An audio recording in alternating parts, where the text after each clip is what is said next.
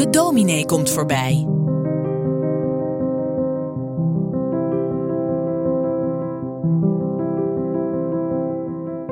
En de dominee die vanmorgen voorbij komt is Jan-Martin Berghuis. Druk bezet baasje, spreker op uitvaarten.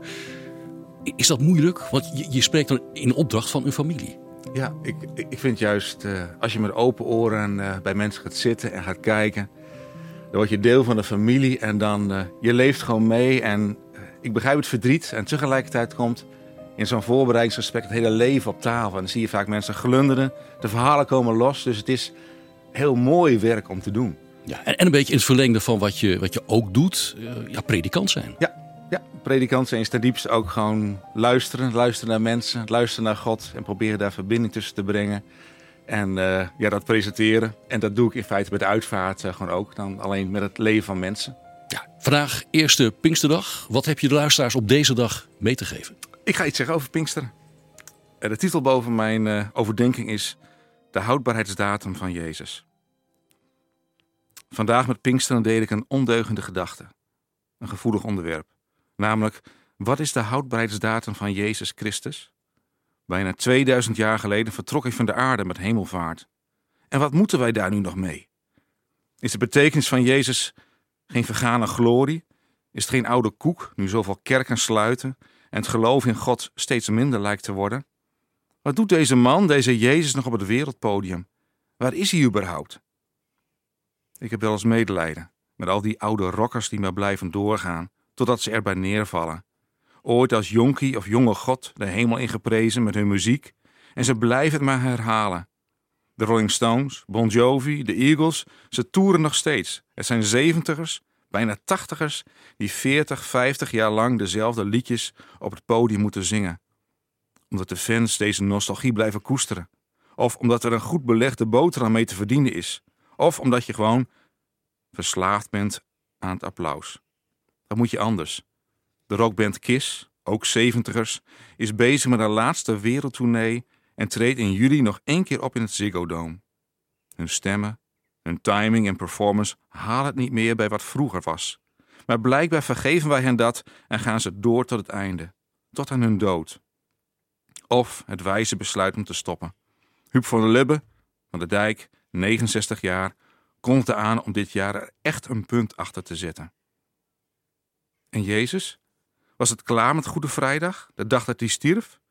Werd hij aan het kruis historie of het beginpunt van nostalgie, van telkens hetzelfde liedje op het wereldpodium? Met hemelvaart ging Jezus naar de hemel. Niet om voorgoed te vertrekken, maar om voorgoed bij ons mensen te kunnen zijn. Bij ons allemaal. Hoe? Op paaszondag stond hij op uit de dood. Veertig dagen nadien ging hij hemelen om daarna met Pinksteren opnieuw het toneel te pakken. Hoe deed hij dat nou? Met de uitstorting van de Heilige Geest. Nog één keer. Hoe? Door jou die in Jezus gelooft. En wanneer is dat dan? Dat is nu. Dat is vandaag. En waar? Dat is in de situatie waarin jij leeft. Jezus kondigde dat ook in zijn leven aan. Hij regeert daarmee als het ware over zijn graf heen. En we lezen dat in het Evangelie van Johannes, hoofdstuk 14. Daar zegt hij: Ik laat jullie niet als wezen achter. Ik laat jullie niet alleen. Ik kom bij jullie terug. Nog een korte tijd en de wereld zal mij niet meer zien. Maar jullie zullen mij, zegt Jezus, wel zien. Want ik leef en ook jullie zullen leven. Dan zal je begrijpen dat ik in mijn Vader ben. Dat jullie in mij zijn en ik in jullie ben. Wie mijn geboden kent en zich daaraan houdt, die heeft mij lief. En wie mij lief heeft, zegt Jezus, zal ondervinden hoe de Vader hem lief heeft. En ik zal hem ook lief hebben en mij aan hem openbaren.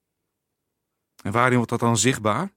Nou, in de charismata. Dat is het Grieks woord voor de gaven van de geest. De dingen die God door jou heen doet, omdat je je laat aansturen door God. Omdat je naar hem luistert. Het wordt zichtbaar in de vrucht van de geest. Liefde, vreugde en vrede, geduld, vriendelijkheid en goedheid, geloof, zachtmoedigheid en zelfbeheersing. zegt Paulus in de Galatenbrief. En als iemand dat heeft, dan proef, je dat, dan proef je dat gewoon in die ander. Hij of zij, die heeft iets. Hij of zij heeft Jezus, leeft vanuit een bovenmenselijk geloof dat Jezus Christus niet dood is, maar leeft en werkt door mensen heen. als waren wij zijn achter, achter, achterkleinkinderen. Door de Heilige Geest draag je DNA van Jezus met je mee. En daarom ben ik enthousiast over God. Enthousiast betekent trouwens vervuld van God. Zo weerspiegel je Gods koninkrijk en Gods bedoeling in deze wereld. En dat heeft deze verscheurde en op scherp staande samenleving nodig. Die geest ontvang je als je in Jezus Christus gelooft, als je redder en Heer en Hem wilt volgen, zo goed en zo kwaad als ons dat kleine mensjes lukt. Die geest bedenk je niet zelf, je ontvangt Hem als geschenk voor jouw leven. Je ontvangt Hem als geschenk om door jouw leven heen te werken naar anderen. Je zult versteld staan wat Jezus door jou heen wil doen. Vandaag, daar waar je nu bent. Is de houdbaarheidsdatum van Jezus overschreden? Kom nou, met Pinksteren vieren we dat Hij leeft, door jou heen.